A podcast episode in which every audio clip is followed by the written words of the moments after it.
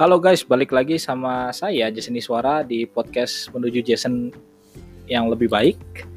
Dan kali ini mau bercerita tentang bagaimana kita itu menginap di sebuah suku yang tertutup dengan kebudayaan luar dan dia dibagi dua, ada yang luar dan dalam dan kita itu dapat masuk ke yang suku yang dalam ya. Nah, tapi bukan tanpa pengorbanan, guys. Jadi di sini ada pengorbanannya.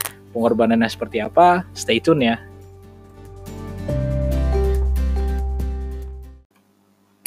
Ya, jadi ini dimulai dari sebuah suku. Siapa sih yang nggak tahu suku Baduy? Ya mungkin buat kalian yang belum pernah dengar suku Baduy itu apa. Jadi suku Baduy itu sebenarnya suku yang udah ada dari lama banget jadi kayak misalnya dia tuh dari pemerintahan Belanda pun dia udah ada sampai kayak di pada pemerintahan Soeharto disuruh menjadi modern dia tuh nggak mau. Dia tetap resis bahwa gua tuh suku kita menolak budaya luar.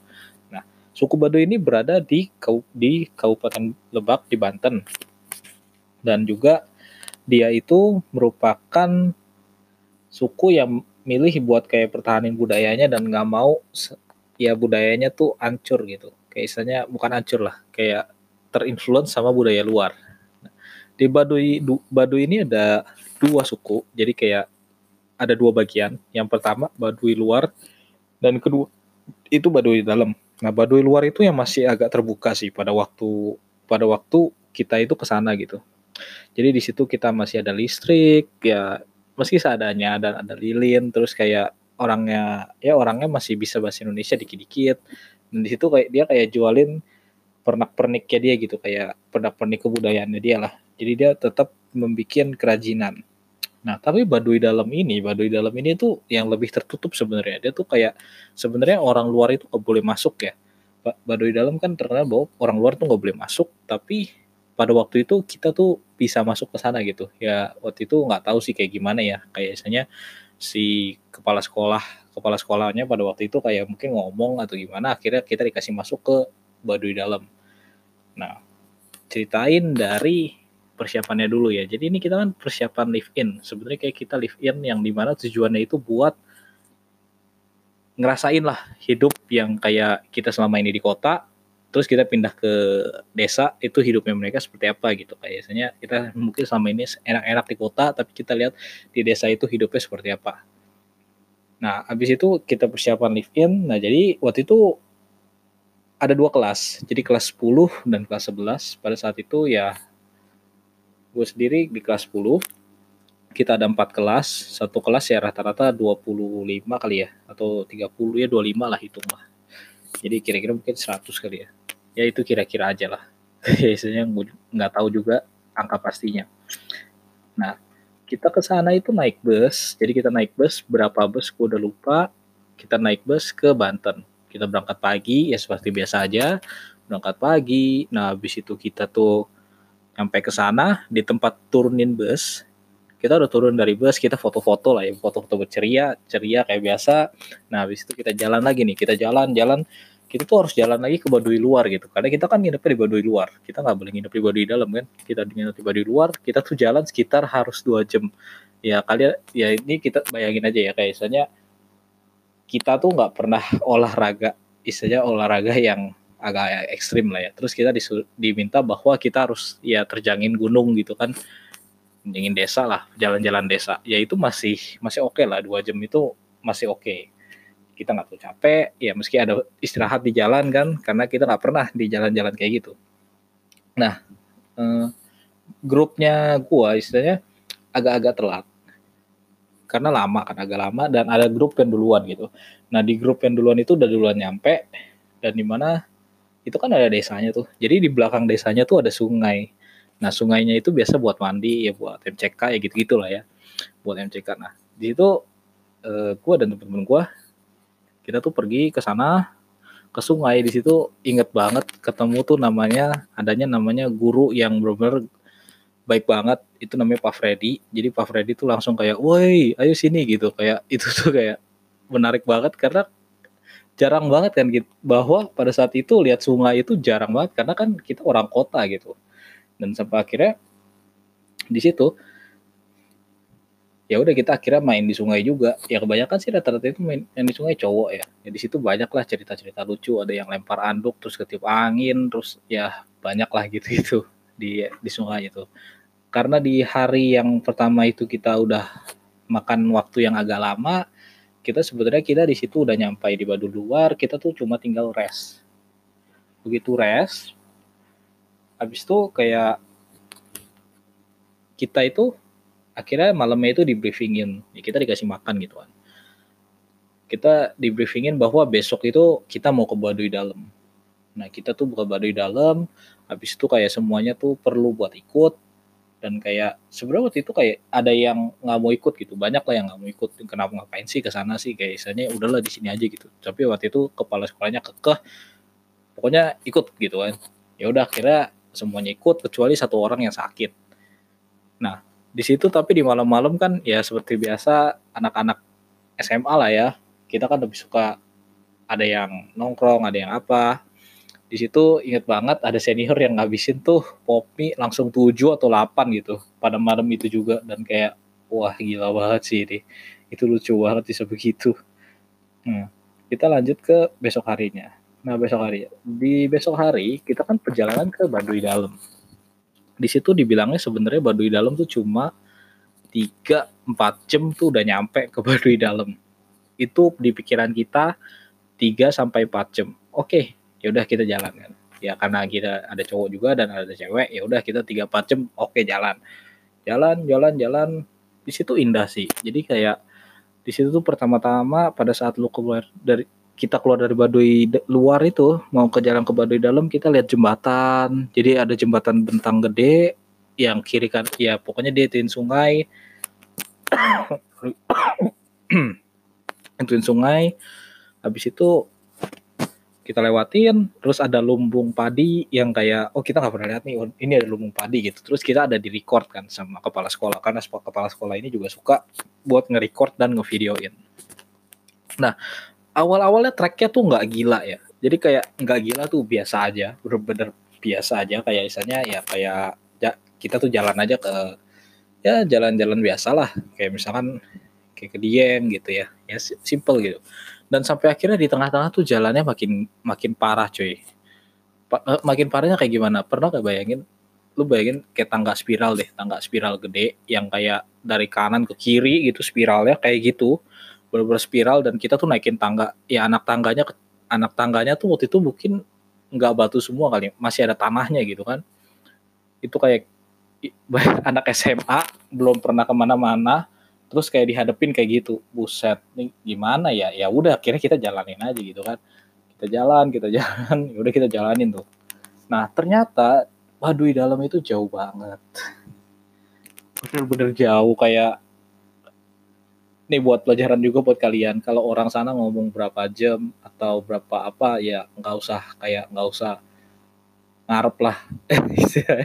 Karena di situ lama banget kita tuh nyampe Baduy dalam tuh jam 3an nah, bayangin jadinya tadinya nyampe jam 12 atau jam 1 terus ya kalau misalnya kita hitunglah 3 sampai 4 jam. Oke 4 jam. Nyampe jam 1 bla bla bla jam 2 jam 2 balik jam 6 udah nyampe dong. Ya itu itu perhitungan kasar lah. Nah perhitungan kasar.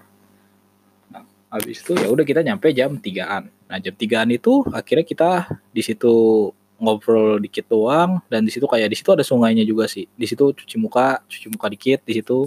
Nah temen-temen gue kayak katanya ada ce ada cewek gitu yang yang mandi itu terus gak sengaja keitip kali gak tau lah. Habis itu dia ya udah pergi ya udah kira kita ituin cuci muka dan di situ ya kita ketemu Baduy dalam sebenarnya sih nggak nggak banyak lah nggak ngapa-ngapain. Nah jadi di bad, perjalanan kita ke Baduy dalam ini sangat-sangat minim perlengkapan. Karena kita kan tadinya maunya ya cuma 3 sampai 4 jam perjalanan. Ya pulang pergi 8 jam kira-kira. Kita tuh ya dari kita nggak ada yang mau makanan. Mungkin adalah snack kali ya. Air juga seadanya. Dan makanannya itu dibawain sama guru gitu kan. Kita live in ada gurunya gitu kan. Gurunya bawain makanan. Dan mak kita baru makan di Baduy dalam itu. Begitu dibawa dibuka makanannya. Makanannya sedikit coy. Nah jadi kita udah jalan 6 jam. Makanannya dikit. Ya udahlah. Ya istilahnya makan makan aja kan. Nah di situ ada ya kejadian-kejadian lucu lah. Ayamnya tuh agresif banget. Jadi kayak kan kalau ayam-ayam kota di sini lempar nasi biasa aja gitu kan. Kalau di sana tuh lempar nasi ayamnya langsung ngerubungin gitu loh. Temen gue ada yang iseng banget tuh lempar nasi kayak gitu digerubungin semua gitu. Dia lempar ke cewek dan ceweknya teriak gitu kan. Wah teman-teman gue emang iseng banget kayak gitu. Nah setelah ya kita cuma yang ngobrol sih kepala sekolahnya lah ya. Kepala sekolah sama kepala desa mungkin waktu itu dia ngobrol sedikit dan ada kayak kan kita bawa orang dari Baduy luar juga buat kayak ngomong lah. Ya akhirnya agak silaturahmi gitu kan sudah selesai dan akhirnya jam 4 kita itu mau balik ke Baduy luar. Nah pas baliknya itu hujan deras banget. Hujan bayangin kita tuh nggak bawa jas hujan kita nggak bawa baju ganti makanan seadanya dan ya waktu itu ya gue sih nggak tahu yang lain. Pada waktu itu gue tuh cuma pakai sendal jepit gitu dan ada teman gue beberapa pakai sendal jepit jadi kayak waduh ini licin banget karena tanah bener-bener tanah merah gitu yang kayak lu kalau hujan tuh licinnya parah banget lah jadi udah ya udah kita balik tuh kan Nah terus kan ada yang bawa kamera tuh ya kepala sekolah gue tuh. Jadi kayak kepala sekolah gue bawa kamera, akhirnya dia duluan tuh karena ya pokoknya dia jagain kameranya juga kan. Dia dia duluan juga buat kayak kayak dia juga gak enak badan. Nah habis itu gue di situ jatuh, temen gue ketawa. Terus temen gue jatuh, kita ketawa. Ya pokoknya di situ gantian lah jatuhnya lah. Sampai kayak istilahnya jatuh terus bener-bener parah woi. Kayak udah udah jatuh berdiri jatuh lagi karena saking licinnya dan kita nggak kayak perlengkapan gitu kan nah karena itu situasinya kita bilang chaos lah ya chaos kayak istilahnya udah udah mau malam terus habis itu kondisinya juga hujan rombongan kita tuh kepisah-pisah gitu. Meski kayak istilahnya ada yang emang ada sweepernya. Jadi sweeper itu yang paling belakang itu temen gua juga. Namanya si Alek jadi Alek tuh paling belakang. Emang sengaja mungkin dia di set di situ sih. Nah tapi kayak yang di tengah-tengah tuh udah kepisah-kepisah. Dan sampai akhirnya gue tuh bertuju doang. Gue kayak kalau nggak salah gue bertuju deh. Gue ber bertuju. Dan itu tuh jalannya parah banget kayak kepleset kepleset terus, terus kepleset. Teman gue dan di persimpangan jalan ya. Nah ini bener-bener bahaya banget nih persimpangan jalan nih. Kiri atau kanan gitu. Ini bener wah ini gimana ini? Nggak ada orang lagi kan kiri atau kanan. Dan situasinya tuh udah mau gelap gitu kan. Akhirnya untungnya kita pilih jalan yang benar pada waktu itu. Jadi kayak temen gue ada satu tuh yang pilih jalan akhirnya kita bener ikutin jalan itu ke bawah. Nah kenapa sebenarnya kita tuh buru-buru buat nggak malam ya? Karena misalnya gini kita kita tuh nggak ada yang bawa center eh nggak ada yang bawa center ya, nggak ada yang ya bawa center lah itu tuh bayangin malam-malam gak bawa center di hutan di hutan loh. Dan itu serem banget. Jadi kayak waktu itu tuh kok belum banyak smartphone ya. Kayak sekarang kayaknya waktu itu tuh tahun 2000 aku kuliah 2015 tahun ya 2013 atau 12 kali ya. Ya tahun segitulah yang di mana kayak yang paling baru pada waktu itu cuma ada iPhone iPhone 4 nah jadi kayak di situ iPhone 4 yang di mana dia tuh casingnya keras gitu hard case. Yang kayak waktu itu kayak lagi zaman zamannya lah dan temen gue kan agak-agak stylish gitu. Dia punya yang hard case itu. Dan bener-bener center kita cuma satu doang yang itu ya udah akhirnya kita nyusurin tuh nyusurin perjalanan jalan jalan jalan jalan sampai akhirnya kita kayak kita sebenarnya kayak agak ngelewatin kayak perumahan gitu bukan perumahan lah rumah-rumah desa kecil yang kayak lo desa nih ada desa gedenya jalan di luarnya biasa ada rumah gitu ya. Ya itu kayak gitulah. Nah di situ kayak di situ kita istirahat dulu. Kita istirahat. Habis itu kita tuh di situ kelihatan oh ada senior cewek dua yang kayak sakit gitu kakinya kan ya sampai akhirnya kita akhirnya bisa tuh dari bertujuh tuh akhirnya cuma berlima ya kalau nggak salah berlima nih dari berlima yang dua itu karena nemenin yang cewek itu kan karena kakinya udah sakit Nah, dua itu udah nemenin cewek. Nah, yang punya HP iPhone itu udah duluan. Terus ada yang satu lagi bareng sama kita dulu. Meski dia duluan tapi kita bareng dia kan. Dan di tengah-tengah itu gua itu kan yang pegang HP tiba-tiba HP-nya mati coy gue nggak tahu gue nggak ngapa-ngapain atau HP-nya mati. Gue gue panik banget di situ. Kayak ini gimana anjir? Nggak ada center woi. Habis itu gue bilang ke temen gue yang bawa cewek sakit tadi bahwa ini apa kayaknya gue tahu deh passwordnya. Untungnya dia tahu. Gue bersyukur banget dia tahu coy. Ya udah kira kita jalan lagi. Jalan jalan. Nah di situ tuh banyak banget situasi di mana licin. Dan kayak istilahnya gua tuh coba buat meluncur dan hampir nggak bisa berhenti gitu. Jadi kayak meluncur nih yang gua bilang tadi kayak tangga spiral meluncur.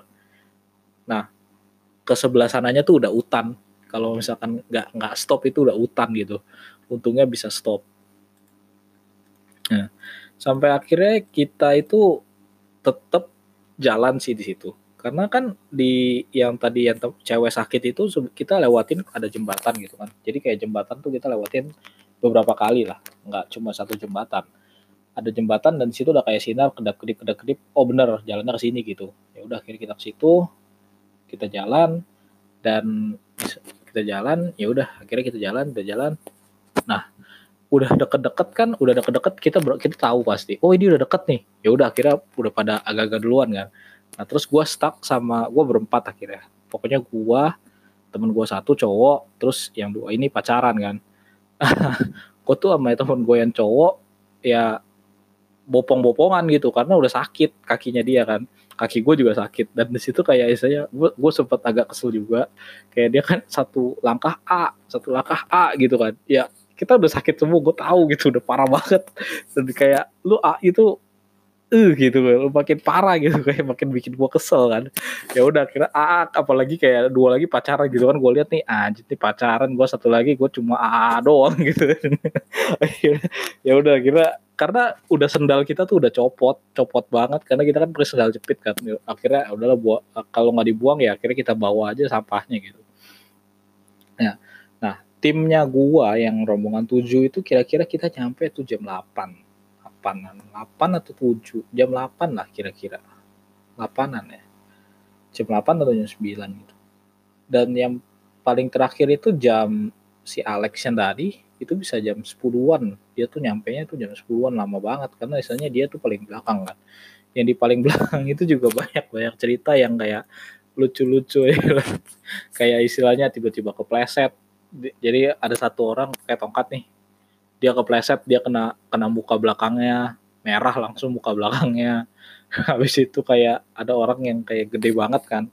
Ini gede banget dia sempet jatuh udah hampir mau ke jurang ditahan kan. Begitu ditahan udahlah lepas aja gitu ya.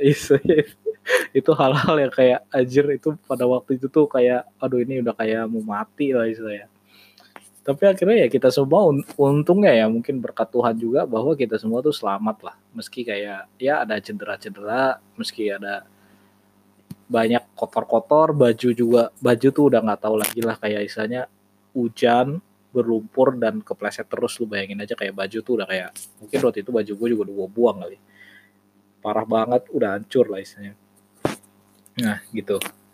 Setelah itu kita ada evaluasi sih. Kayaknya seperti itu malam itu sempat evaluasi bahwa ya kepala sekolahnya bilang sih karena dia kan dia duluan karena dia ada kamera dan lain-lain. Terus juga istilahnya di situ kan ada yang paling belakang si Alex juga dibilang dia terima kasih karena istilahnya kalau nggak ada yang paling belakang itu bahaya. Jadi di situ udah pegang HT sih HT. Jadi HT itu buat ngubungin lu aman gak lu aman gak gitu. Sampai akhirnya ya udah akhirnya mereka aman dari belakang ya udah akhirnya jalan tuh. Evaluasi ya pokoknya sebenarnya evaluasinya nggak banyak. Paling diceritain bahwa ada pengalaman di dalam itu aja. Nah kita itu malamnya sebenarnya mau mandi kan. Pasti mandi lah. Cuma kayak tadinya mau mandi ke sungai kan. Temen gue ada satu yang mandi ke sungai. Tahu sungainya Woi sungainya tinggi. Ya karena malam itu pasang. Sungai itu pasang woi. Kita kayak nggak tahu kan. Ya udah kita ketawa-ketawa aja udah malam itu kita tidur. Besok paginya ya kita akhirnya beli mungkin ada beberapa yang beli kerajinan di Badu itu sarapan habis itu kita pulang. Nah pulang juga kita harus jalan lagi kan ya selama dua jaman lah satu jam dua jam lah gitu. Terus kita udah ke bus ya foto-foto kita balik. Nah sebenarnya moral dari story ini sih pada waktu itu ya kayak di situnya tuh kesel banget gitu. Kayak istilahnya lu gimana sih nggak tanggung jawab? Kayak istilahnya lu bilang 4 jam tahu lu 8 jam terus kayak kita tuh nggak bawa perlengkapan apa-apa jas hujan nggak bawa lu bayangin aja hujan woi. Karena hujan kayak istilahnya lu bayangin bahwa kita tuh waktu itu mungkin karena anak SMA ya masih badannya tuh masih oke okay lah. Tapi lo bayangin bahwa ada badan yang gak kuat dan dia ikut ke sana itu bisa hiko. Ya istilahnya itu itu resiko-resiko yang mungkin terjadi ya. Di situnya kesel banget gitu dan kayak parah banget dah kayak parah banget kayak keselnya itu. Kayak lu tuh gak pernah latihan dan tau-tau dipaksa buat ngejalanin yang sejauh itu gitu. Ya kan? Jadi kayak nggak habis pikir gak sih? Kayak wah gue nggak pernah nih kita juga nggak pernah lah.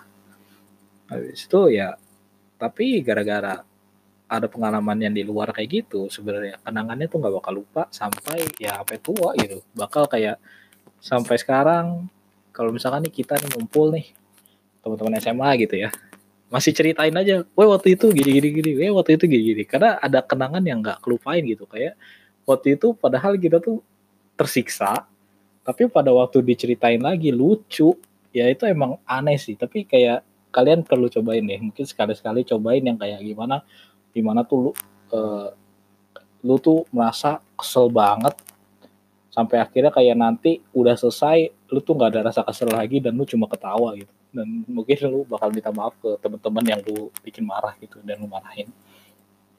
Dan di sini juga yang bisa gue ambil adalah sebenarnya pada waktu itu kan yang tadi gue bilang pada saat turun hujan-hujan itu tuh kita ketawa-ketawa kan. Jadi kayak mungkin itu itu bagus sih setelah gue pikir-pikir. Karena kayak gini kayak bayangin bahwa kita tuh orang-orang yang di mana kita mas kita punya masalah dan kita bareng-bareng sama tim. Dan masalah ini kita nggak bisa apa-apain. Hujan contohnya hujan nggak punya jas hujan. Itu kondisinya itu dan kita nggak punya jas hujan ya pokoknya pilihannya dua berteduh atau tetap jalan. Nah di situ karena nggak ada buat tempat berteduh juga ya udah akhirnya kita tetap jalan dan di mana di situ kita bisa ketawa-ketawa meski kayak kepreset gitu ya karena dengan ketawa itu ya itu membangun bahwa oh ini masih masih oke okay nih moodnya nih. Karena dengan ketawa ya kita ngelihat bahwa ada sesuatu yang positif gitu. Dan itu menyebarkan sesuatu yang positif. Itu sangat-sangat ya penting lah buat membawa hal yang positif dari penderitaan kali ya. Dari kesusahan lah. Ya buat podcast kali ini sih ceritanya itu aja. Mungkin sebenarnya lebih ke ya pengalaman gimana kita ya kita tuh bisa ke Baduy dalam gitu. Yang di mana sekarang itu mungkin udah lu ke Baduy luar aja tuh udah nggak boleh kali ya. Gue juga nggak tahu sih. Kan tapi terakhir gue baca benar-benar kayak udah nggak boleh. Itu pengalaman yang akan terlupain. Dan semoga kalian suka dengan podcast ini. Kalau misalkan kalian suka komen di Instagram. Kalau nggak ya bisa chat gue juga via WhatsApp ataupun share ke teman-teman kalian gue merasa thank you banget udah mendukung podcast ini dan selamat malam ya. See you in the next podcast. Thank you.